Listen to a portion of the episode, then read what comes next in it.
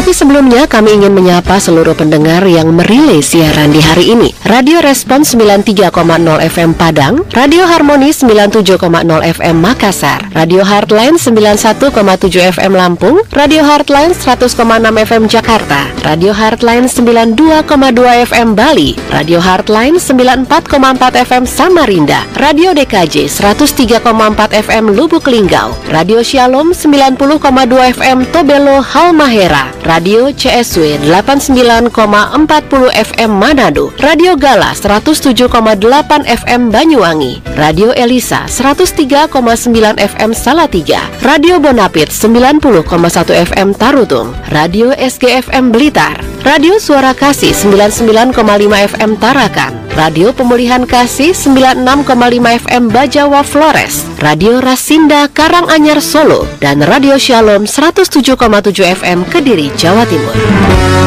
Show ini Nasional ISMI juga disiarkan oleh Lembaga Penyiaran Publik Lokal atau Radio Pemerintah Daerah, anggota Persatuan Radio TV Publik Daerah seluruh Indonesia. indonesiapersada.id untuk menyiarkan lebih baik.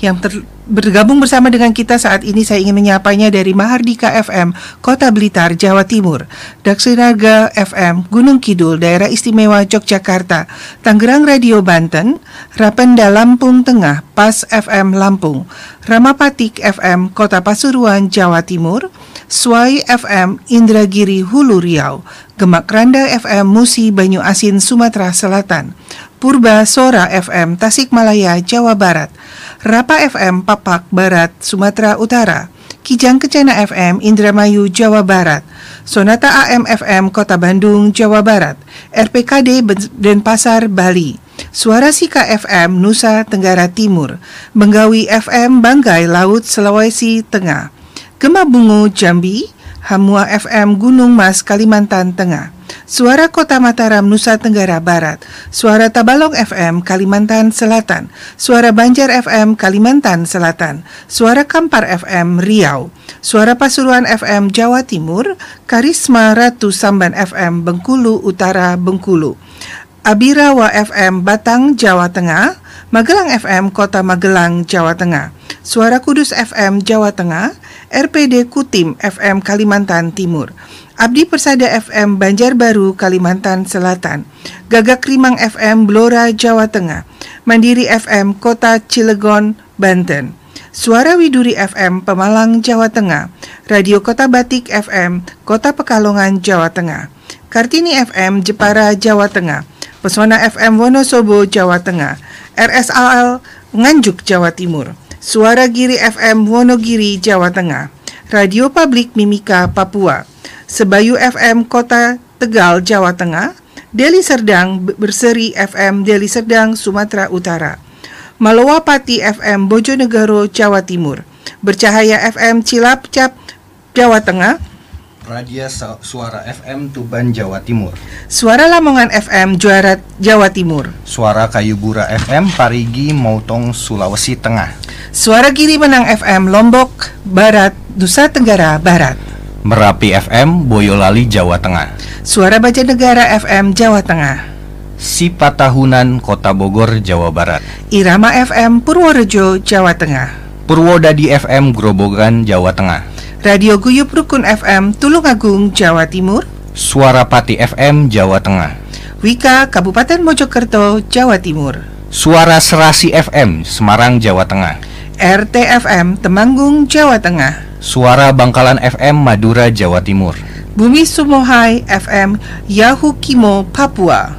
Gemilang FM Kabupaten Magelang Jawa Tengah Suara Ngawi FM Jawa Timur Daya Taka FM Pasir Kalimantan Timur Selawi FM Kabupaten Tegal Jawa Tengah Suara Jombang FM Jawa Timur Suara Madiun FM Jawa Timur Kanjuruhan FM Kabupaten Malang Jawa Timur Gema Sudirman FM Purbalingga Jawa Tengah Praja Angkasa FM Trenggalek Jawa Timur Radio In FM Kebumen Jawa Tengah Puroboyo FM Kabupaten Madiun Jawa Timur RSPD Soe FM Timur Tengah Selatan Nusa Tenggara Timur Batara FM Barito Utara Kalimantan Tengah Radio Suara Kabupaten Kupang Nusa Tenggara Timur Odan FM, Batubara, Sumatera Utara.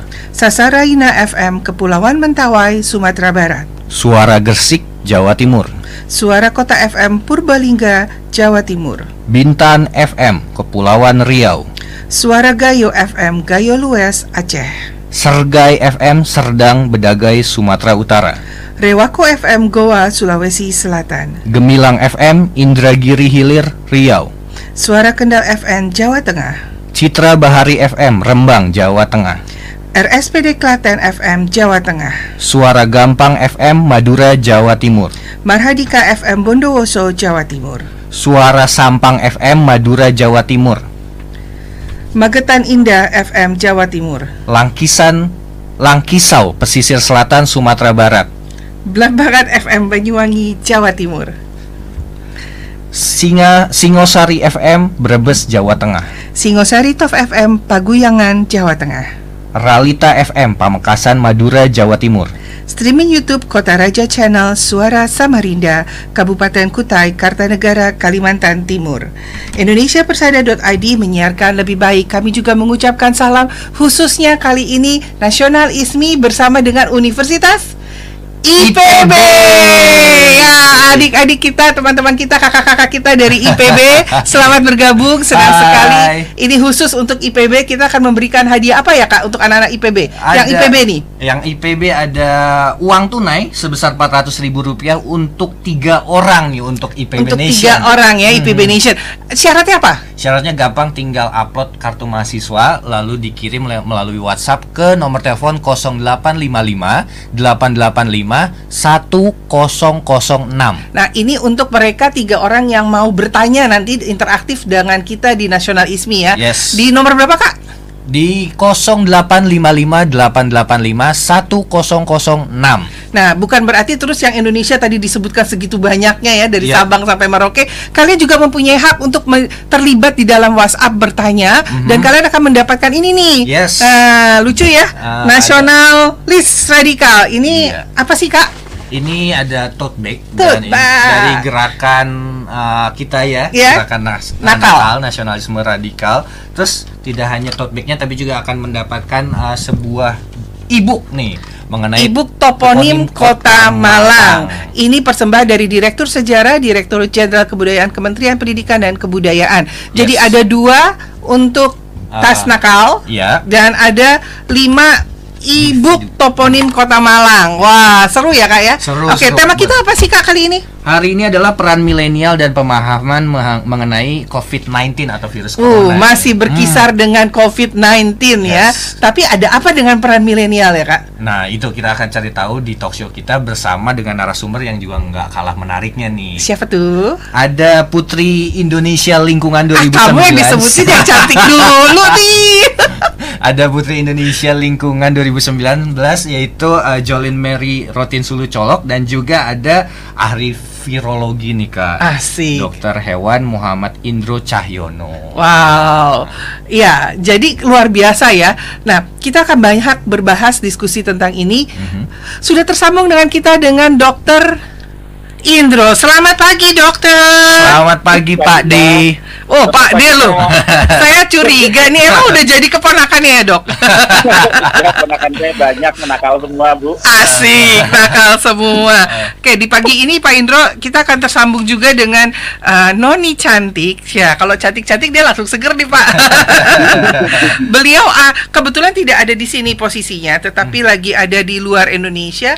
Oke. Nah, kita akan sambungkan dari uh, dari Kak Saya akan telepon Telepon dulu ya, kita akan bersama-sama ngobrol nih. Nah, dok sambil menunggu masuknya yang cantik, ini kalau yang cantik maunya yang nelfon yang ganteng katanya dok. oh iya iya nanti enggak Nah, Dok, eh, berbicara dengan milenial dengan COVID-19, dokter ini kan ahlinya virus ya. Kita sudah masuk minggu eh, tiga tiga minggu lewat dan kita masuk minggu keempat saat ini. So, Ya. sejauh apa sih yang dokter lihat dari awal sampai terakhir kemarin gitu perkembangan virus khususnya di Indonesia mungkin dok? Oke, eh, jika kita berbicara mengenai masalah virus, maka kita harus membedakan antara dua hal. Mhm. Pertama adalah realita yang kita hadapi sehari-hari dengan berita yang ada di media. Oke. Karena terkadang dua hal ini akan eh, banyak jauh berbeda. Oke. Jadi kalau kita lihat dari data yang yang kita punya mengenai kenyataan fakta yang ada adalah bahwa pertama adalah eh, kesadaran rakyat dan juga kesadaran milenial akan penyakit virus sekarang bertambah. Milenial mereka punya akses informasi ke segala hal. Jika mereka mendapat hal yang benar tentang virus, maka mereka akan tahu bahwa COVID-19 ini punya banyak sekali kelemahan meskipun kelebihannya dia sangat gampang menular. Oke. Tapi kelemahannya adalah uh, COVID-19 ini tidak tahan terhadap panas, tidak tahan terhadap kekeringan, dan juga tidak tahan terhadap sinar UV. Oh. Sehingga pada saat dia ada di lapangan, maka COVID-19 ini terutama di negara tropis, uh, paparan virusnya akan sangat berkurang. Tapi ini juga uh, akan ber, ber, sedikit berbeda dengan apa yang diberitakan dari berbagai media gitu loh. Jadi Hmm. milenial memiliki hak dan memiliki kuasa penuh untuk memilih mana berita yang benar, mana berita yang tidak berdasar. Iya. Dan kita akan belajar sama-sama hari ini. Asik. Wah, seru nih, banget. udah kesambung nih dok sama yang cantik-cantik. Nggak saya doang sekarang yang cantik ya. Halo Joli. Hai Jolly, how are you? Halo, selamat malam dari New York. Selamat Oh. pagi dari Indonesia. Oh, kamu di New York. Ini milenialnya jauh ya jalannya. Oh, selamat selamat pagi kalau di sana. Iya. Iya. Iya, ngomong-ngomong New York adalah salah satu kota yang paling uh, Banyak. paling bar- banyak ya korban jiwanya. Korban jiwanya dan serentak karena memang mereka kurang sigap ya. Uh, Jolin mungkin boleh cerita sedikit sebelum kita bahas COVID gitu ya. Hmm. Bagaimana sih tuh situasi di sana dan bagaimana perasaan Jolin sebetulnya berada di situasi yang kita sama-sama tahu em, beritanya nih New York saat ini memang yang paling banyak uh, dalam hitungan hari uh, orang korban yang meninggal. Gimana nih Jo- Jolin? Um, kalau situasi di sini um, lumayan gimana ya? Karena memang salah satu New York menjadi salah satu yang terbesar sekarang yaitu menjadi red zone. Mhm. Mhm. um, sedang siaga di mana-mana pastinya. Um, kalau dari saya sendiri, karena memang saya tidak ke mana-mana, semua stok makanan sudah dipersiapkan. Uh, lalu saya mengikuti anjuran pemerintah uh, di sini untuk stay at home, self quarantine dan self uh, social distancing. Jadi tidak ada interaksi dengan dunia luar sama sekali, uh, kecuali dari TV atau media sosial.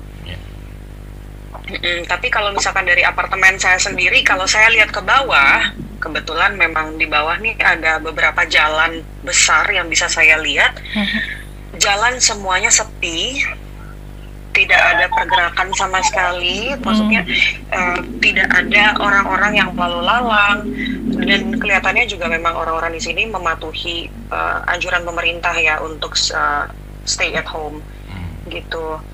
Oke. Nah, jadi ya kurang lebih eh, memang ini ya karena memang New York itu kan sebagai salah satu melting pot juga kan everybody Mhm. comes here eh, semuanya berinteraksi dari berbagai macam penjuru dunia mungkin itu juga yang membuat New York menjadi salah satu eh, red zone Ya, harapan saya sih mudah-mudahan ke depannya kurvanya bisa semakin turun ya Amin. Hopefully, mari kita doakan sama-sama Amin. Hmm. Oke. Lagian kamu jauh-jauh di New York sih. Kan Kenapa nggak di hatiku aja? aja? Aja. Tetap usaha lo Jolin. Sebetulnya sudah di hatinya dan di hatiku kok. Oh. Kamu aja nggak merasa. Kurang baper. Tapi Jolin tuh hebat Kalau di loh. Indonesia, Dia kalau tuh di Indonesia sendiri gimana nih kak? Oke. sharing-sharing juga nggak? Kalau Indonesia sih sampai saat ini yang kalau saya pengetahuan saya sih masyarakatnya sudah sangat mengikuti pemerintah ya anjuran-anjuran Iya. yang diberikan. Hmm. Eh, kemarin juga kita ada PSBB gitu ya, bukan pelajaran Iya. sejarah bagi bangsa bukan ya? Bukan bukan itu Bukan ya? SPD kak. itu cuma angkatan tertentu loh yang tahu. Angkatan angkatan aku belum dapat kak. belum belum. kesannya gua Belum, ketahuan tuh, belum, aduh. belum. Kalau milenial belum. Angkatan kolonial yang dapat. Oke. Terus terus ya jalanan sih mulai memang kelihatan renggang dan kosong. Memang orang-orang yang keluar adalah orang-orang yang membutuhkan eh, apa ya us, eh, memang kegiatan di luar yang membantu khususnya untuk uh, logistik khususnya ya baik logistik maupun untuk kesehatan itu itu yang kita lihat. Nah terkait dengan ini nih kita ada dengan dokter yang ahli virus nih Jolin Ya. mungkin kita bisa sambil ngobrol Iya. berempat ya dok tadi kan dokter bilang saya dokter saya salah satu uh, pengagum Eish. Ais.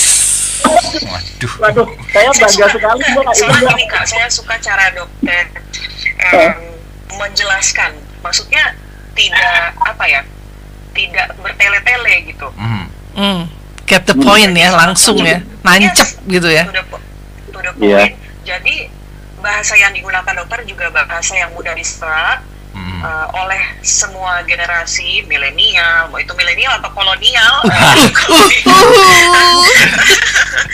Iya, jadi saya juga sempat kemarin lihat videonya dokter, and Ya. to be honest, I adore him and the way he explains about the virus. Karena Oke. dokter virologis ya. Oh. Ya. Betul. Oke. Dok, tadi kan dikatakan kalau virus ini sebetulnya tidak tahan dengan udara yang panas. Apakah ini penyebab juga sehingga New York menjadi tinggi tingkatnya karena memang udara di sana kan eh, bisa dikatakan mataharinya ngumpet terus ya, Jolin. Bener nggak Jolin? Aduh bisa jadi. Di sini gloomy terus kak, seperti Tuh, kan? perasaanku. Ayo. Wey. Dok, ayo dok, coba jangan dibikinin gloomy dong Jolinnya. Boleh diterangkan Ya, nggak ya. dikit tentang virus-virus ini dok? Silakan dok. Oke, jadi eh, kalau saya saya selalu melihat ke sifat virusnya. Jadi eh, COVID-19 ini ini sudah ada sejak zaman eh, sorry, coronavirus sudah ada sejak dari zaman dulu. Wow. Kita semua sudah punya masalah yang sama seluruh dunia sejak dari mungkin 200 sebelum Masehi kita sudah punya masalah terhadap coronavirus ini. Hmm. Hmm. Hanya yang baru-baru ini keluar adalah COVID-19. Ya. Dan COVID-19 ini agak sedikit berbeda dengan virus coronavirus yang lainnya karena dia memang sangat mudah untuk eh, menempel atau menginfeksi ke human ya. Jadi Hmm. ini hanya antara manusia ke manusia, tidak ada hubungannya dengan hewan. Sekali lagi ya. Hmm. Hmm. Itu yang pertama. Kemudian kita juga harus melihat sifatnya bahwa eh, coronavirus ini adalah virus yang beramplop. Ini ini istilah dari eh, kalangan eh, eh, virolog atau virologis bahwa virus yang beramplop itu jika dibayangkan itu seperti balon. Yang yang dalamnya eh, material genetik, kemudian Hmm. ada lapisannya, kemudian ada seperti spike duri-durinya Hmm. gitu. Dan virus yang beramplop ini terdiri dari eh, glikoprotein dan protein. Dan Hmm. meskipun virus ini memiliki memiliki kelebihan bisa dengan mudah menempel ke reseptor di manusia, Hmm. Tapi virus ini juga punya banyak kelemahan. Iya. Nah, kelemahannya apa? Kelemahannya yang pertama karena dia dari protein, maka semua yang bisa dipakai untuk melarutkan lemak mulai dari sabun, mulai dari eh, bleach, pemutih pakaian, sampai deterjen sekalipun atau yang biasa dipakai untuk em, apa desinfektan yang biasa dipakai Hmm, untuk hmm. membersihkan lantai Hmm. itu bisa dipakai untuk menghancurkan virusnya. Virus Hmm. ini akan hancur dalam waktu 2 sampai 3 menit. Hmm. Oh, lama Itu juga sebabnya ya, kita 2-3 dian- menit. Iya, itu sebabnya kita dianjurkan cuci tangan. Oke. Karena en- entry point virus itu kan dari mulut dan hidung. Hmm. Iya. Nah, sementara eh, eh, apa kendaraan yang paling sering dipakai untuk bisa sampai ke mulut dan hidung kan tangan. Iya. Betul. Kalau Setiap mata, kali dok, kita, ah, ah, setiap kali kita mau menyentuh tangan, eh, sorry mulut atau hidung, maka kita harus cuci tangan. Itu pertama. Terus kedua, lingkungan juga berperan. Hmm. Jadi jika kita melihat map peta ya, Mhm. Kita akan melihat di seluruh dunia itu ada garis yang belah di tengah-tengah bumi namanya garis ekuator. Iya. Hmm. Oke. Kemudian 23 setengah derajat ke atas dan 23 setengah derajat ke bawah Ya. akan ada daerah yang disebut eh, eh, daerah tropis. Iya. Jadi daerah tropis itu tergantung yang yang ke utara, yang ke atas itu 23 setengah derajat itu namanya Tropic of Cancer. Hmm. Yang 23 setengah ke bawah ke selatan itu namanya trop, eh, Tropic of Capricorn. Hmm. Nah, di daerah tropis ini ada banyak sekali negara. Jadi kita akan melihat sekarang peta dunia akan kita bagi menjadi tiga bagian. Bagian atas termasuk Amerika, Hmm. termasuk em, Jerman, Italia, kemudian eh, apa namanya Belanda itu ada di daerah atas. Kemudian daerah tengah, daerah tropis, Mhm. Indonesia, Ekuador, Kolombia, bahkan sampai eh, beberapa negara di Asia ada di belt tengah itu yang tropis. Kemudian Hmm. yang bagian bawah. Mm-mm. Nah, di daerah tropis di sini suhu antara 26 sampai 30 saat ini. Mm-mm. Sementara yang di daerah atas dan bawah suhu berkisar antara 4 sampai 12. Ini perbedaan suhu. Mhm. Kemudian yang kedua adalah masalah UV index. Mm-mm. UV index adalah seberapa banyak sinar UV dari matahari yang bisa masuk ke bumi. Di daerah belt tengah yang tropis itu ada di kisaran 9 sampai 10. Semakin dekat ke ekuator semakin banyak UV indeksnya. Mm. Sementara yang di bagian atas, utara dan bawah selatan itu berkisar hanya di antara 4 sampai 6 UV indeksnya. Mhm. Nah, jadi eh, virus ini tidak tahan kekeringan, tidak tahan UV, tidak tahan dengan eh, panas, sehingga kemungkinan untuk virusnya bisa bertahan hidup di lingkungan itu lebih rendah di daerah yang ada di belt tropis itu Mm. dibandingkan negara yang atas, negara yang eh, di daerah selatan atau utara. Mhm. Nah, ini bisa bisa eh, menjadi logika dasar bahwa jika memang kita semua mengalami wabah di seluruh dunia, pandemi seperti sekarang, maka pada saat kita keluar lingkungan akan masih paparan virus akan masih lebih sedikit di daerah yang ada di belt tropis dibandingkan daerah yang utara dan selatan. Dan ini bisa sangat jelas terlihat dengan jumlah eh, eh, case case penderita positif yang diikuti dengan eh, fatality rate. Jadi di daerah utara dan selatan, kalau kita ngelihat, maka case-nya lebih banyak, korbannya lebih banyak. Sementara yang di daerah eh, belt tropis, kita akan melihat juga banyak juga sama, tapi eh, fatality rate-nya itu lebih rendah. Itu jelas terlihat di di worldometer atau di em, status COVID-19 yang eh, terjadi di seluruh dunia. Ada satu hal lagi yang menarik bahwa kita juga tidak hanya melihat mengenai masalah korban positif kemudian eh, fatality rate-nya atau yang meninggal ya. Mhm. Kita juga harus coba melihat ke recover, angka recover Mm. Di negara mana pun, mau di negara yang ada belt tropis ataupun di utara dan selatan, jumlah orang yang recover itu semakin meningkat juga dan itu selalu Mhm. selalu lebih besar dibandingkan fatality rate-nya. Berarti apa? Orang yang positif jika dia terkena masih punya kemungkinan untuk sembuh. Di sini terjadi di pasien nomor 1, 2, 3, 12 dan menyusul puluhan atau mungkin ratusan Mhm. pasien lainnya yang positif, kemudian dia berubah negatif dan dia bisa sembuh. Kenapa? Karena antibodi kita akan mampu memerangi virus ini Ya. dalam waktu 7 sampai 14 hari. Gitu. I see.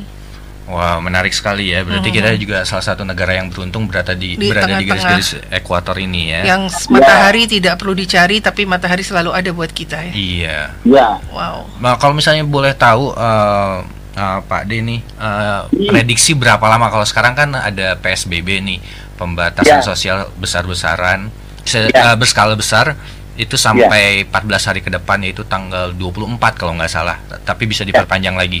Nah, Ya. Eh, virus corona ini menurut prediksi itu berapa lama sih eh, untuk ada di Indonesia gitu?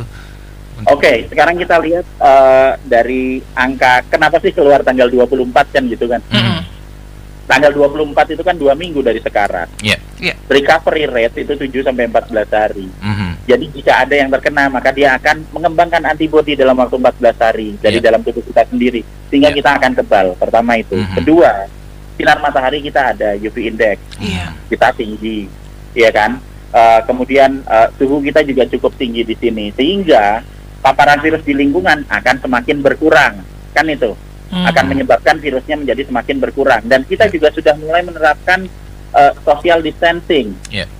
Kalau kita ngobrol ya kan jaraknya paling nggak satu satu setengah meter sehingga akan memperkecil kemu- kemungkinan virus bisa loncat dari satu manusia ke manusia lain. Iya. Dan virus ini hanya bisa lewat droplet ya. Iya. Jadi kalau lewat droplet itu kan karena dia perlu media butiran air itu, butiran air dari lendir hidung itu, maka Mhm. dia kan akan jatuh ke bawah kena gravitasi. Iya.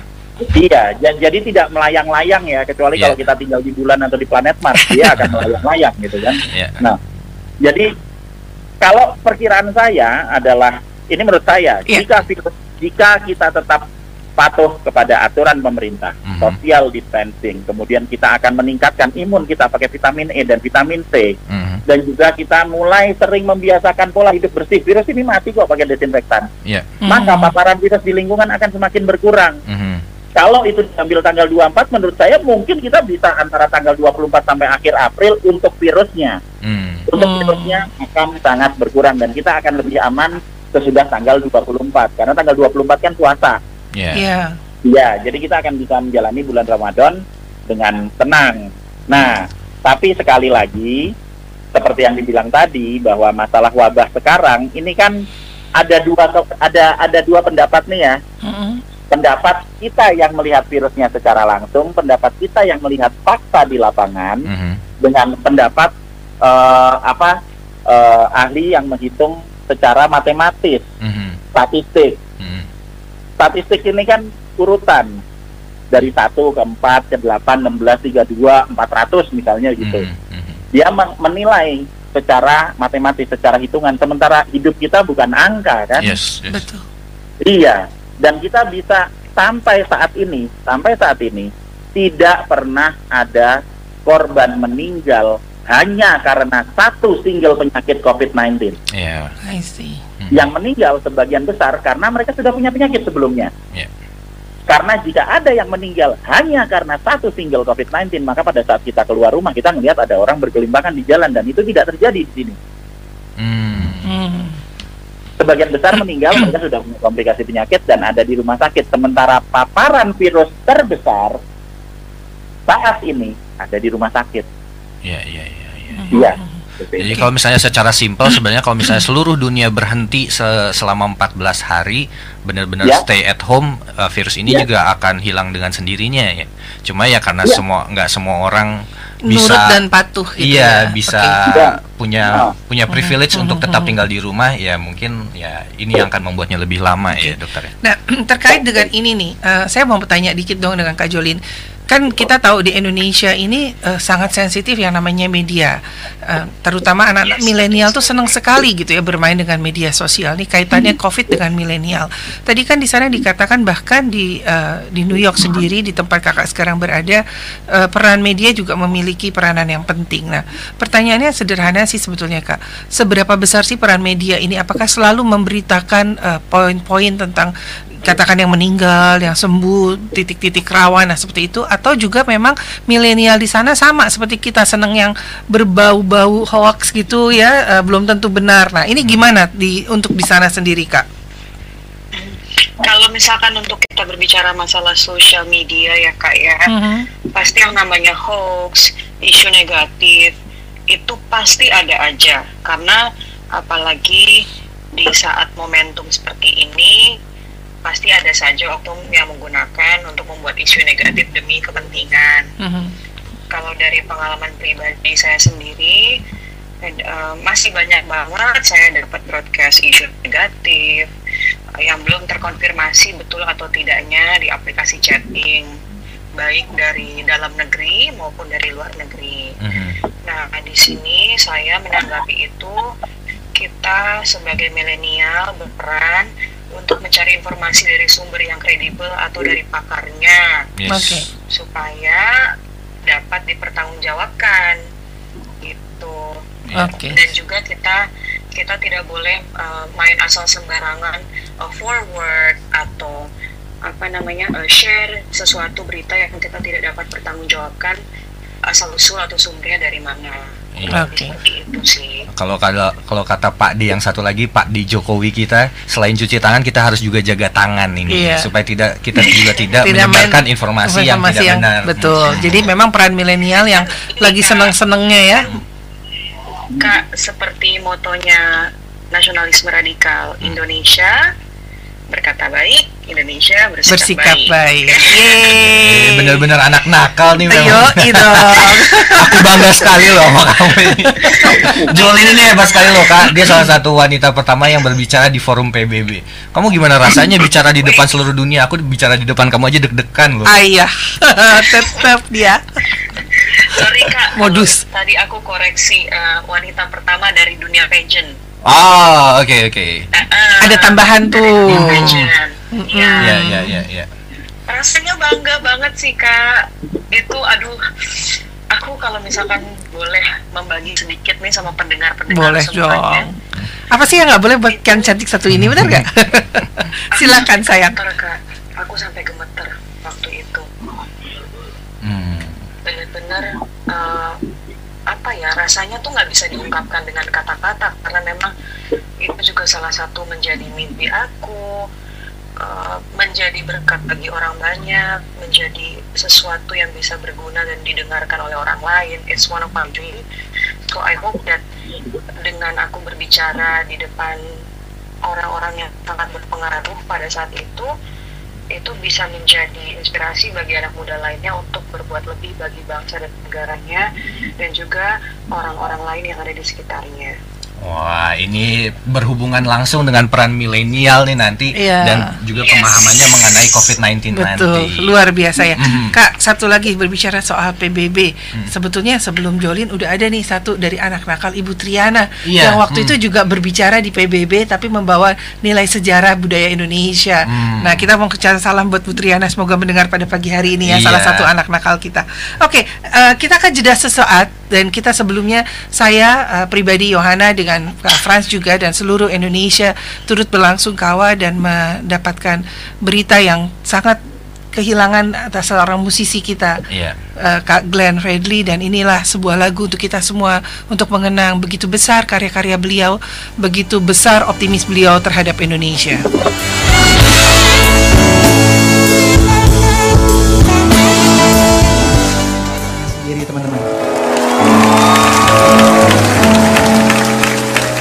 Dan malam hari ini saya melihat perubahan dan perubahan ada di depan saya yaitu lu semua dan gua malam hari ini. Teman-teman, gua bangga jadi orang Indonesia. Gua bangga dengan karya anak bangsa apa pun itu. Gua bangga jadi orang Indonesia dan gua berharap hari ini nasionalisme kita bisa bangkit untuk kita memikirkan masa depan bangsa ini untuk ke depan nanti teman-teman.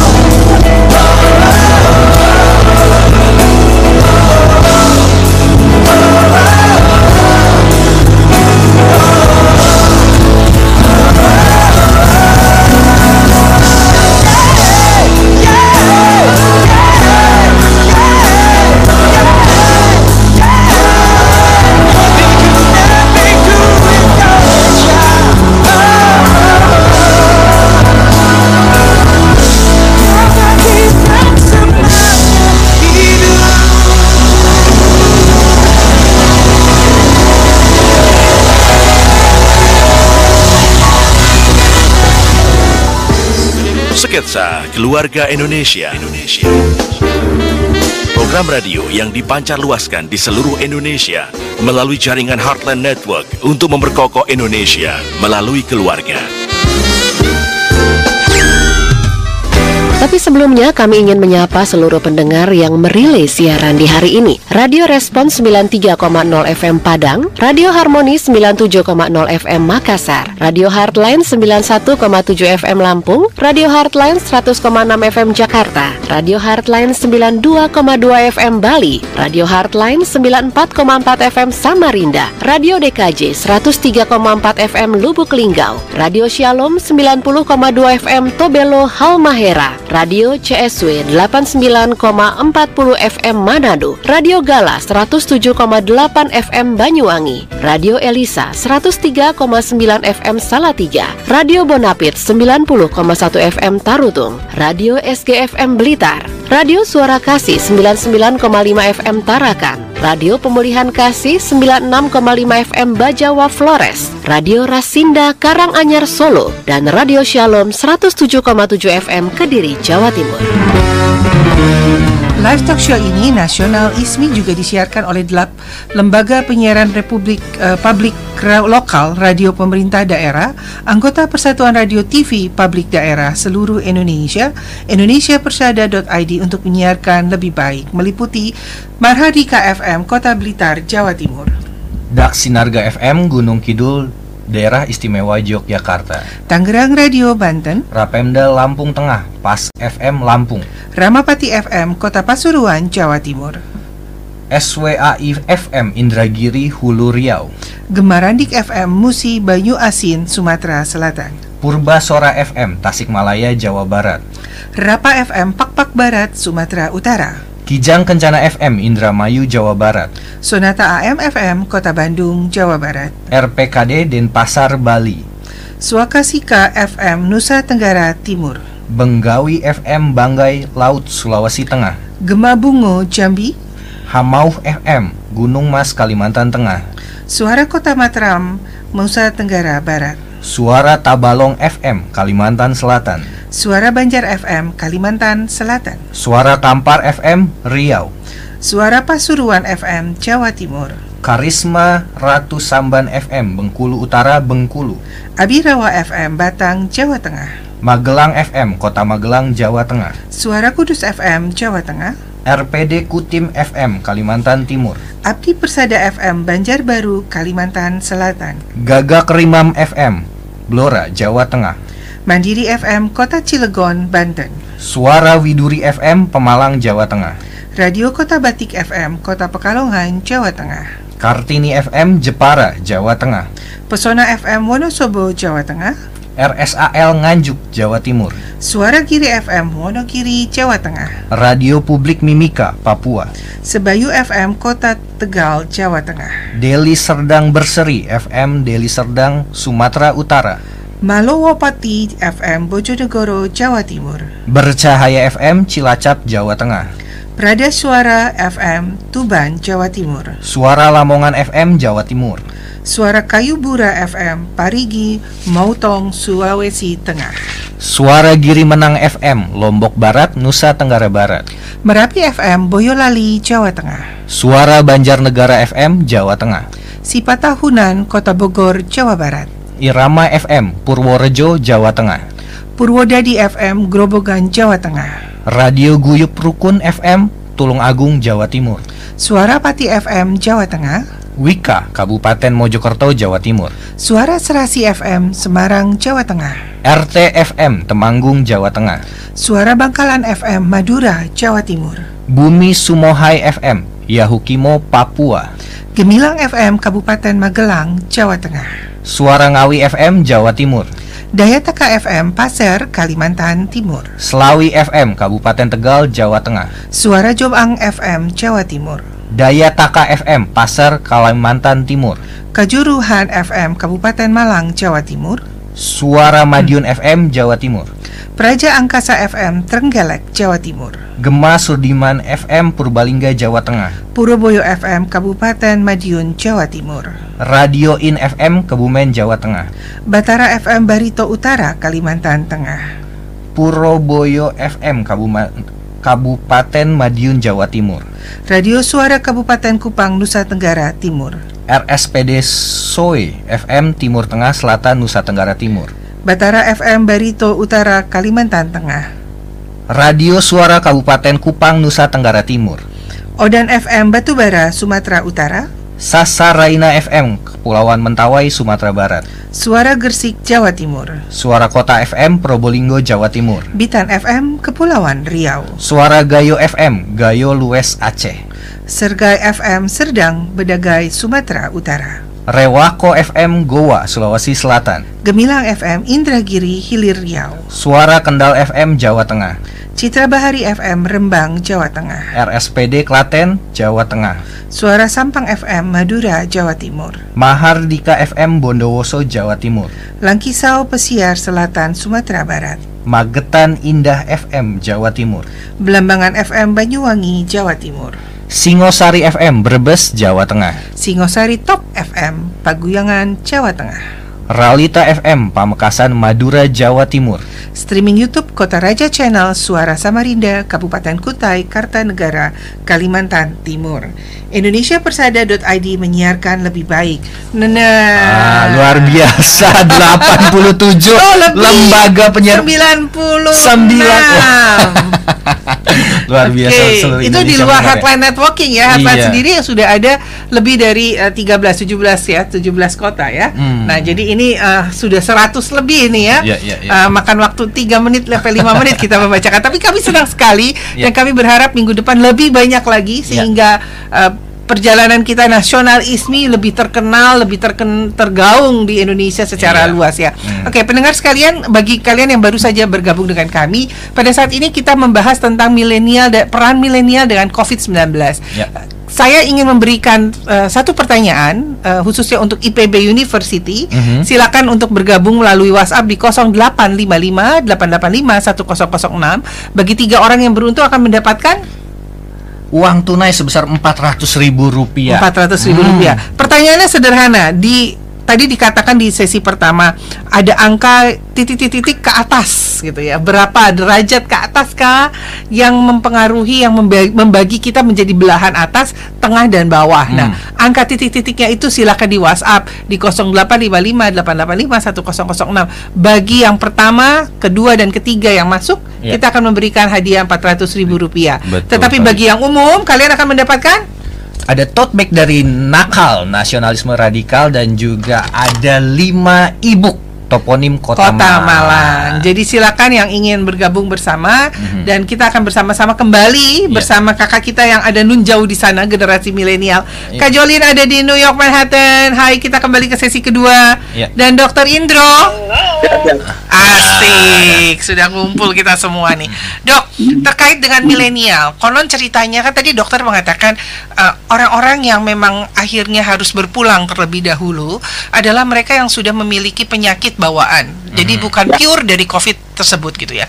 Apakah ini juga sebetulnya konon ceritanya untuk generasi milenial ini jadi kebal gitu loh. Karena mereka punya eh, imun yang tinggi karena mereka nah eh, apakah pernyataan ini benar? Apa pernyataan ini sebetulnya tidak benar sehingga kita juga kaum milenial harus mewaspadainya? Gimana tanggapannya, Dok? Eh, kalau saya, kita Hmm. akan belajar melihat dari fakta yang terjadi di lapangan. Hmm. Itu saya belajar dari kasus eh, pasien nomor 1, 2, dan 3. Oke. Pasien nomor 1 dan 3 itu dari eh, apa masuk ke dalam eh, grup milenial, anak-anak muda. Hmm. Kemudian ada juga pasien nomor 12 dari Bandung. Itu juga milenial juga. Hmm. Mereka Hmm. terdeteksi positif sebagai eh, PDP ya, pasien dalam pengawasan. Hmm. Dan mereka semua dalam waktu 7 sampai 14 hari mereka bisa kembali sehat dan kemudian mereka menjadi negatif. Hmm. Nah, dari fakta ini sebenarnya kita bisa belajar banyak bahwa sebenarnya Tuhan itu memberikan kita anugerah itu dua hal. Pertama, sel memori di mana nanti tubuh kita bisa menerima input berupa virus yang masuk dan kemudian akan mengembangkan antibodi dan juga akan membuat kita kebal setelah infeksi pertama. Hmm. Jadi orang yang pernah kena pertama, mungkin dia sakit selama satu minggu, tapi akan keluar antibodinya dalam waktu tujuh hari dan kemudian bertambah banyak sampai 14 hari. Hmm. Di 14 hari antibodi kita akan banyak sekali akan bisa memakan eh, menetralkan virusnya. Ya. Dan nanti sesudah kita pernah kena, maka kita punya data di dalam tubuh kita sehingga pada saat kita keluar lagi dan terinfeksi lagi, antibodi akan langsung keluar tidak dalam tujuh hari tapi hanya dalam waktu satu hari atau 24 jam. Hmm. Berarti sekarang kena besok kebal Hmm. dan kita sudah punya faktanya dan kaum milenial juga mungkin secara tidak sadar sebenarnya mungkin pernah terkena Iya. tetapi mungkin tidak sadar karena mungkin sebagian besar Gejalanya. mungkin jika jika di di di trace back lagi Hmm. mungkin pernah kena pada saat bulan Januari kayak atau Februari atau Maret dan Hmm. kemudian tiba-tiba sembuh dan sekarang pada saat ada wabah mereka pun juga tidak apa-apa Iya. karena sudah ada antibodinya hanya jika kita ingin memaksimalkan proteksi kita Hmm. kita bisa mengkonsumsi vitamin E dan vitamin C dan itu akan menaikkan antibodi kita sebanyak 2 sampai 3 kali lipat lebih banyak daripada produksi normal. Ini yang menyelamatkan eh, manusia termasuk juga kaum kaum milenial di semua negara karena sekarang eh, recovery rate-nya juga selalu lebih besar dibandingkan fatality rate. Hmm. Iya iya, tapi kita juga mesti tetap harus hati-hati ya dok, soalnya walaupun Ya, misalnya kita kebal, tapi kita juga bisa menjadi carrier buat orang yang takutnya tidak punya kekebalan yang sama dengan diri kita. Nah, jika kita kita mungkin merasa atau mungkin ada anggota keluarga kita yang mungkin tidak bisa sembuh dengan cepat, Hmm. maka kita bisa melakukan eh, pencegahan berdasarkan analisa resiko. Hmm, Maksudnya, oh kalau kita tahu ada komplikasi penyakit, kemudian kita susah eh, mengeluarkan antibodi misalnya tidak seperti yang lain yang normal, maka ya sebaiknya kita di rumah saja dulu. Iya. Nanti jika wabahnya sudah selesai, baru kita aman keluar, kan Hmm, gitu. Iya, seperti sekarang banyak sekali ajakan untuk tidak mudik karena Iya, iya. kita Iya. tentunya nggak mau kita pengennya ketemu orang tersayang di daerah gitu, tapi Tapi akhirnya jadi justru celaka ya. Orang-orang yang lebih Iya. lanjut usianya atau antibodinya yang tidak kuat justru malah akhirnya tertular dan Betul. Yang bah- Betul sekali. Betul. Ya, dan sekarang kan kita sudah ada teknologi ya. Kita ada fit call, kita Iya. ada WA. Kayak Kita kita masih sekarang ya, Dok, ya? Iya. Oke. Ah, ah. Kak Jolin, ada nggak yang mau dipertanyakan untuk dokter mungkin? Eh, bagaimana untuk eh, dari kakak sendiri? Mungkin ada sedikit mau bertanya atau mau share juga kepada kami, silakan.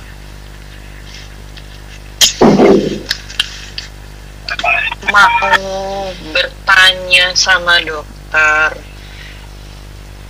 Mengenai COVID-19 dan juga em, yang tadi soal asimptomatik. Ya.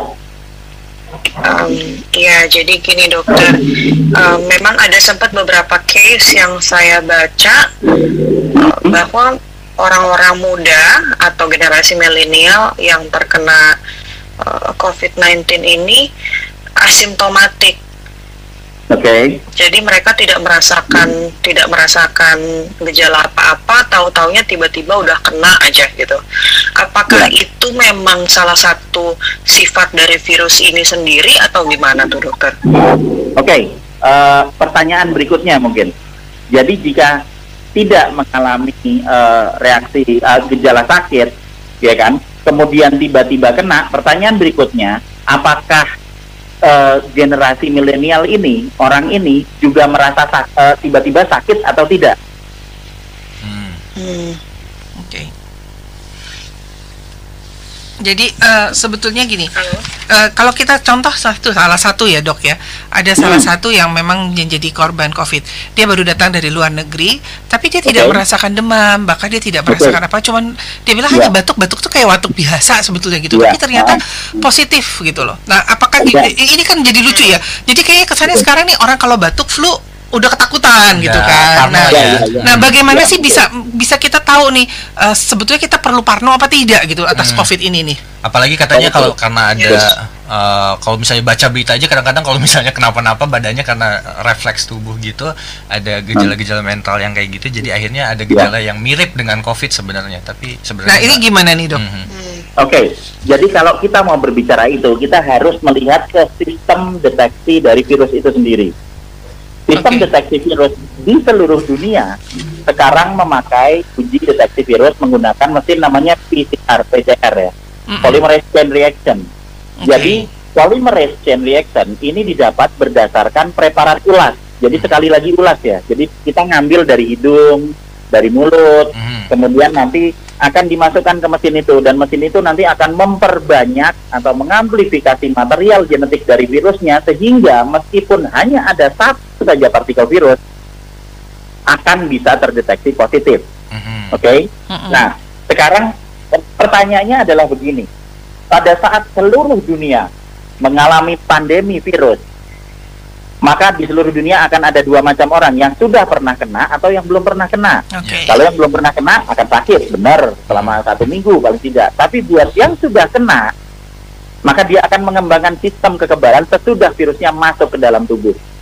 Nah sekarang pertanyaannya, misalnya kita akan ada berada di satu ruangan yang sama, kita berempat ini ya, Mm-mm. kita berempat, kemudian eh, saya sudah pernah kena misalnya, Hmm. saya sudah kebal, kemudian ada beberapa orang juga yang belum pernah kena. Kemudian di dalam ruangan tersebut tersebar virus. Maka baik yang sudah pernah kena maupun yang belum pernah kena, jika diambil preparat ulasnya, karena kita berbicara dan berinteraksi di satu ruangan yang sama, Mhm. dan kita akan menerima jumlah virus yang sama, maka semua orang di dalam ruangan akan terdeteksi positif. I see. Bahkan jika kita mau sedikit bermain-main, ya kan, misalnya saya melihara macan di situ, maka macan juga akan terdeteksi positif. Hmm. Atau Oke. kita mengambil preparat ulas dari karpet yang kita dudukin, maka karpet juga akan terdeteksi positif. Sekarang apa perbedaannya antara karpet, macan, dan manusia? Hmm. Buat karpet nggak ada bedanya, lalu diambil juga pasti positif. Hmm. Buat macan, macan apakah terdeteksi positif? Ya terdeteksi positif, tapi apakah COVID-19 ini akan membuat macan sakit? Tidak, karena ini hanya eh, terjadi eh, di manusia. COVID-19 hanya punya reseptor spesifik khusus untuk manusia. Nah, sementara manusia yang dua orang ini yang sudah Mhm. pernah kena dan kebal dan yang belum pernah kena, kan akan sama terdeteksi positif. Mhm. Jadi ini yang menyebabkan timbulnya status positif. Jadi jika menurut saya, jika di dalam kondisi dunia selama itu ada pandemi dan kita terekspos virus, maka kita semua akan terdeteksi positif. Hmm. Jadi Hmm. positif itu bukan sesuatu yang harus ditakutkan. Hmm. Karena positif yang kita dapat berdasarkan preparat ulas Ya, ya. yang berasal dari permukaan luar tubuh kita. Hmm. Permukaan luar tubuh kita itu apa? Ya hidung sama mulut kan entrance kita dari luar. Betul. Hmm. Dan jika dia masuk ke dalam darah, ke dalam sistem tubuh kita, antibodi kita akan ngatasi kok. Lalu nyatanya banyak yang sembuh. Kan seperti itu. Hmm. Jadi sekali lagi positif itu bukan sesuatu hal yang harus ditakutkan. Ya. Oke. Yang bisa kita lakukan adalah dua. Mengurangi paparan virus ke dalam diri kita, gimana caranya? Hmm. Ya kita sering cuci tangan. Ya. Oke. Kemudian kita sering bersihkan lingkungan kita. Kalau Hmm. kita ada di dalam lingkungan tertutup, misalnya kita harus eh, eh, apa work from home gitu, kita belum bisa keluar, harus mengisolasi self quarantine, Hmm. maka kita bisa semakin sering kita bersihkan ruangan, semakin minim paparan virus ke kita. Dan juga kita bisa menaikkan antibodi untuk melawan virusnya dengan apa?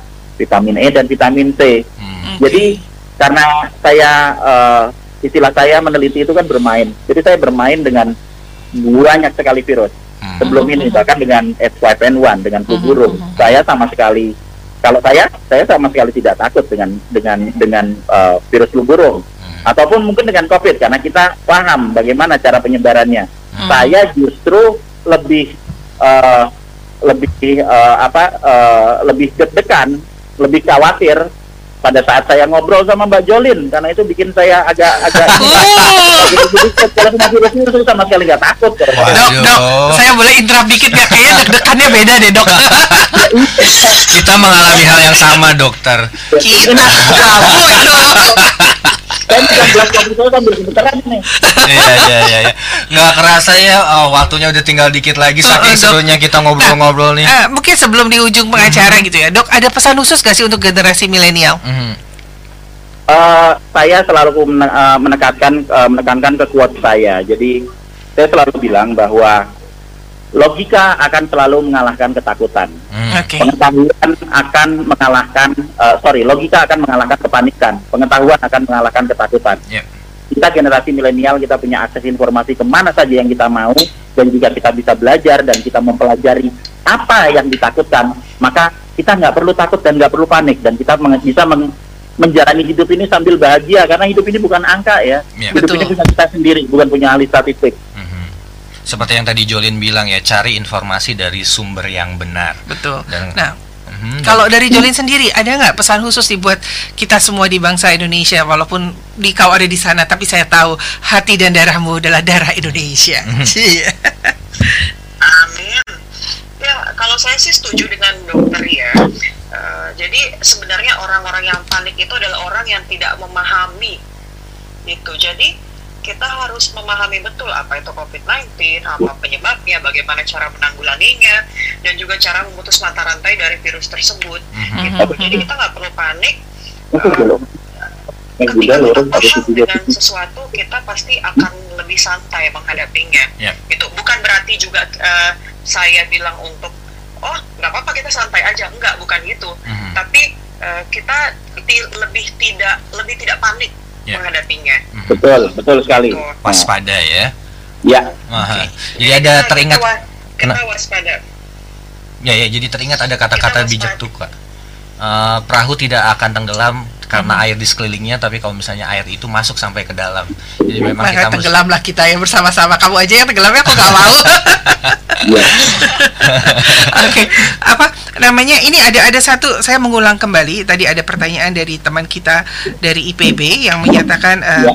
Dia bilang begini dari Adi Purnomo Hai Adi dari IPB senang sekali sudah bergabung dengan kita saya ulangi pertanyaannya ya untuk eh, untuk teman-teman IPB ada tiga orang akan mendapatkan nominal 400 ribu rupiah. Oke, silakan eh, menjawab pertanyaannya. Ini terbuka untuk umum.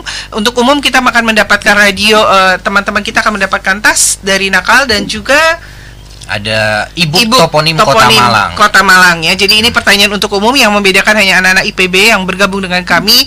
Eh, kita akan bisa sama-sama mendapatkan tiga orang saja nominalnya 400 ribu rupiah dengan melampirkan kartu mahasiswa teman-teman. Pertanyaannya sederhana. Tadi dikatakan oleh dokter ada tiga bagian tengah, atas dan bawah yang terbagi dengan angka berapa poin berapa persen eh, Derajat. derajatnya ya. Lintang, jadi ya, lintang ya derajat. lintang lintang derajat ya dok benar ya. Jadi it- lintang derajat tersebut yang membagi tiga bagian atas tengah dan bawah. Nah di angka berapakah lintang derajat tersebut? Hanya satu pertanyaan saja dan saya berharap ini juga boleh memicu dan menjadi kita semua eh, sama-sama menyimak ya. Dokter terima kasih untuk eh, waktunya Jolin. Ya. Terima kasih juga untuk waktunya. Rasanya tidak cukup ya kita untuk satu jam berbicara COVID ya dok ya. Mm-mm, durasi mesti diperpanjang kayaknya kak. Ini, ah, kak, request durasi perpanjang kak. Oke, Terima kasih banyak. terima kasih. untuk semuanya. Oke. Ya, satu pesan saya tambahan sebelum kita berakhir. Yes. Eh, mari semua kita masyarakat Indonesia sama-sama kita bantu pemerintah untuk memutus mata rantai virus corona dengan di rumah aja dan jangan Ya. mudik. Amin. Yes, Terima setuju. kasih. Itu salah salah satu bentuk nasionalisme juga menurut Betul saya. dong. Dan Bagian dari aplikasi yang jelas-jelas konkret ya. dari rasa cinta tanah air Cinta ya. tanah air. Dan menurut saya, menurut saya salah satu cara memperkuat rasa persatuan dan kesatuan adalah ancaman dari luar dan salah satunya adalah COVID-19 ini. Kita sama-sama persatuan kita akan menjadi semakin kuat, kita menjadi semakin peduli satu sama lain. Sejauh ini saya bangga banget melihat respon bangsa Indonesia ya. Luar biasa. Sama-sama Salut. Kada mencari dana untuk uh, masyarakat yang uh, kurang uh, kurang mampu, yang nggak bisa tinggal di rumah, terus juga uh, kepedulian terhadap tenaga-tenaga medis juga luar Iya, biasa luar dan masih biasa. banyak lagi. Betul.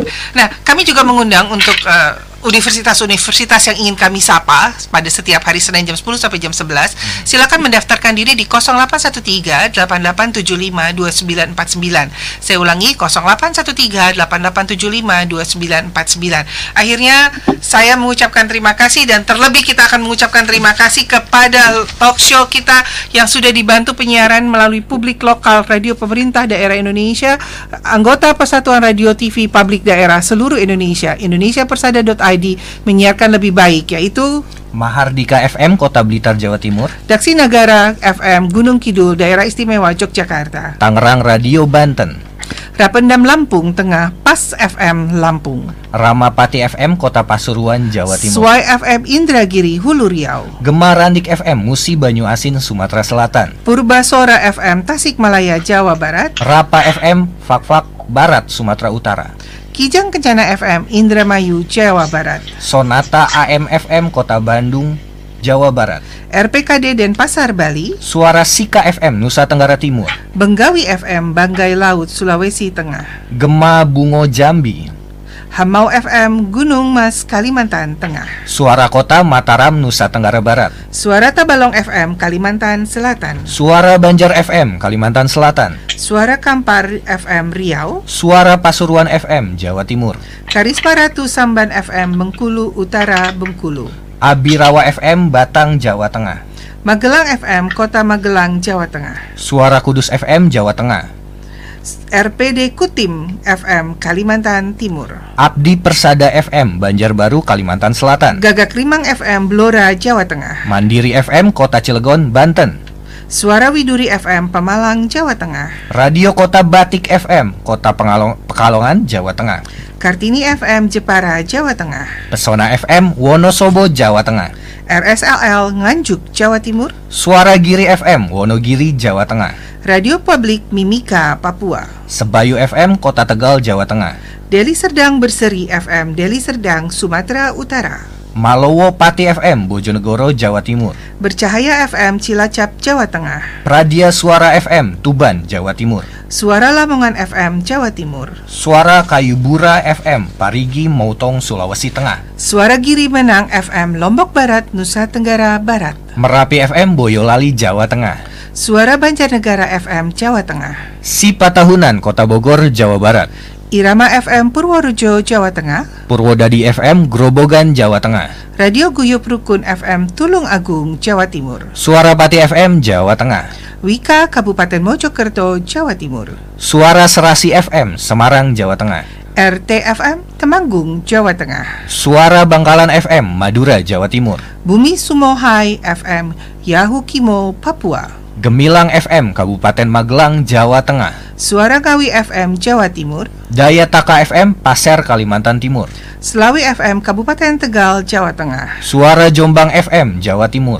Suara Madium FM Jawa Timur, Kanjuruhan FM Kabupaten Malang Jawa Timur. Gema Sudirman FM Purbalingga Jawa Tengah, Praja Angkasa FM Trenggalek Jawa Timur. Radio In FM Kebumen Jawa Tengah, Puroboyo FM Kabupaten Madiun Jawa Timur. RSPD Soe FM Timur Tengah Selatan Nusa Tenggara Timur, Batara FM Barito Utara Kalimantan Tengah. Radio Suara Kabupaten Kupang Nusa Tenggara Timur, Radio Suara Kabupaten Kupang Nusa Tenggara Timur.